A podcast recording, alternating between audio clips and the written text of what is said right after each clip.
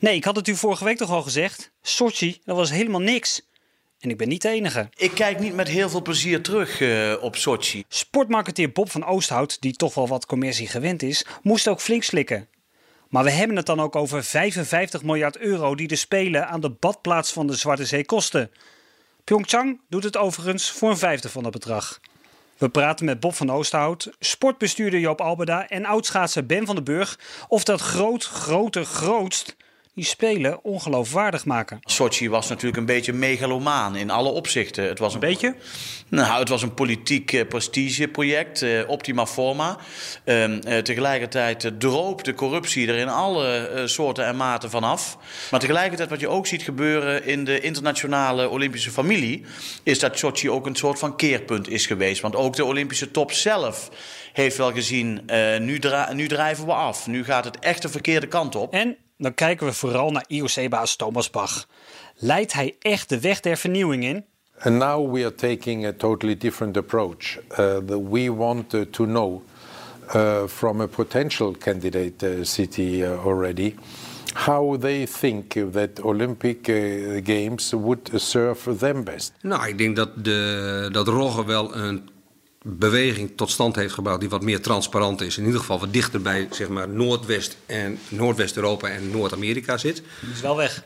Die is weg. En het, het nieuwsgierige is nu, wat gaat Bach doen? Kijk, Thomas Bach is een Duitser. Uh, dat vind ik heel positief in deze context. Ik heb wel de indruk dat uh, Thomas Bach uh, nog meer dan Jacques Rogge af wil van achterkamertjes politiek en van politiek gekonkel. Maar dat er gewoon hele duidelijke afspraken gaan komen.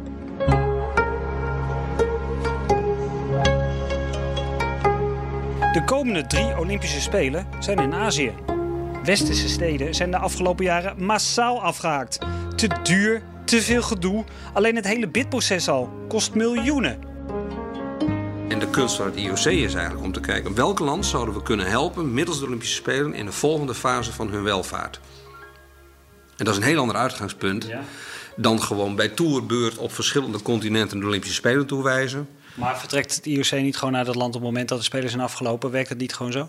Ja, zo werkt het ook. Dan is het IOC gewoon weg. En dan gaan dus daarvoor kunt, kun je een hele mooie idealistische gedachten hebben. Zo van, we gaan jullie helpen, bij wijze van spreken. Maar ja, daarna dan trekken ze de deur dicht en zijn ze weg.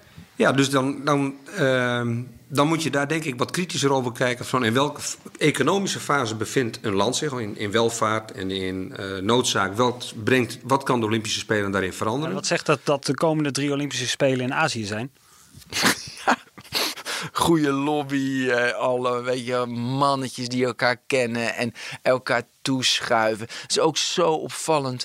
Ze nemen nooit stelling in. Het zijn natuurlijk allemaal meepraters. Weet je, jij bent veel te stellig, dus jij zal nooit zo'n rol daar kunnen vervullen. Weet je, dan vinden ze vervelend. Terwijl iedereen weet van je moet juist Weet je, want jij bent ook een redelijk mens. Weet je, dus je moet juist wel tegenwichten. Je moet wel van, weet je, wat het beste. Een beetje tegenwicht moet je creëren. Maar dat doen ze allemaal niet. En, Komt ook omdat westerse steden ja, uh, zich steeds terugtrekken. Hè? Het is te duur, uh, men wil niet meer. Ja, maar dat vind ik geweldig. Ja? Dat de Noorse, dat de Noorse, uh, dat was in Noorwegen ging niet door. Want Oslo. ja, Oslo, want de bevolking zei van, ja, dag, veel te duur en doen we allemaal niet. De roep dat het anders moet, ja, die is er dus nu al een tijdje.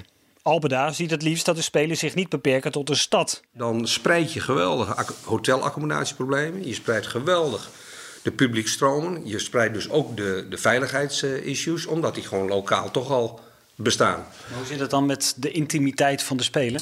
Ja, maar dat is een raar concept, omdat wij vinden dat de intimiteit zo belangrijk is. We vinden die massaliteit vinden we ook belangrijk, want het is dan een groot evenement waar zeg maar, tussen de rondom 25 wereldkampioenschappen op één tijdstip gespeeld worden. Want dat zijn de Olympische Spelen. Maar hoort dat er niet bij, een Olympisch park... waar je van het ene naar het andere evenement kunt lopen? Nou, dan mag je bij mij gewoon de, evenement, de Olympische Spelen noemen... waar je van het ene naar het andere evenement kon lopen. Daar heeft Londen een behoorlijke eh, bijdrage in gehad. Voor de rest zijn de steden allemaal zo groot... dat je afhankelijk bent van ongelooflijk goed publiek transport. En dan kun je misschien één en misschien twee evenementen op een dag doen. En als je er drie wil doen, dan moet je wel heel hard hollen. Uit onderzoek is ook gebleken dat de uiteindelijke kosten altijd 156% hoger, hoger liggen. Hoe kijkt u wat dat betreft naar die Spelen in, in Pyeongchang? Um, Ik heb nog geen bouwproject ook in Nederland gezien wat niet boven de prijs uitkwam. Dus Moet er een beetje bij. eh, nee, we zijn blijkbaar niet in staat om dat fatsoenlijk te managen. Het is ook logisch, hè? Weet je, zal ik nu voorspellen? Straks wordt alles naar Afrika, want dan is namelijk dan is Azië zo ver van, nou jongens, dit kan niet. En China, ja, maar dan is nog in, in Afrika groei, groei, groei, groei. Zie je nu de bevolkingsbom. En dan, dan moet het maar, naar, dan gaan we maar naar Afrika. Zo achterloopt dus het IOC. Ja. Is jammer hoor. Nou ja, Thomas Bach geeft duidelijk aan, eh, meerdere landen moeten samen spelen kunnen organiseren. Eh, we willen duurzame eh, accommodaties waar niet te veel in geïnvesteerd hoeft te worden. Ook de infrastructuur moet van een andere orde zijn. Eh, eh, de spelen moeten veel meer legacy hebben voor de lokale bevolking eh, dan nu het geval is. Eh, en, belangrijk punt, tot slot, eh, je ziet dat de Olympische, de Olympische familie heel druk bezig is om eh, eh, de sport meer dynamiek te geven. We hebben natuurlijk een serieuze uitdaging in de sport. De uitdaging om sport weer geloofwaardig te maken. Tot slot, toch maar even de vraag aan Joop Albeda. Met al zijn bestuurlijke ervaring. Zou u wat dat betreft een geschikte IOC-kandidaat zijn voor Nederland? Eh, uit twee overwegingen niet. Eh, A, ik ben... Ik voel mij nog steeds meer coach dan bestuurder. Hoewel ik er wel links en rechts aan het sturen heb gezeten. En het tweede... En ook al een tijdje geen coach meer bent. En al een hele tijd geen coach meer ben. Maar dat gevoel is nog wel zo. Van, daar voel ik me mee, meer mee verbonden. Eh, ik, kan, ik heb het idee dat ik een deel van die poli- politieke stellingname eh, wel begrijp. En ook de taal wel spreek. Eh, ook internationaal wel. Ehm, maar ik ben te oud.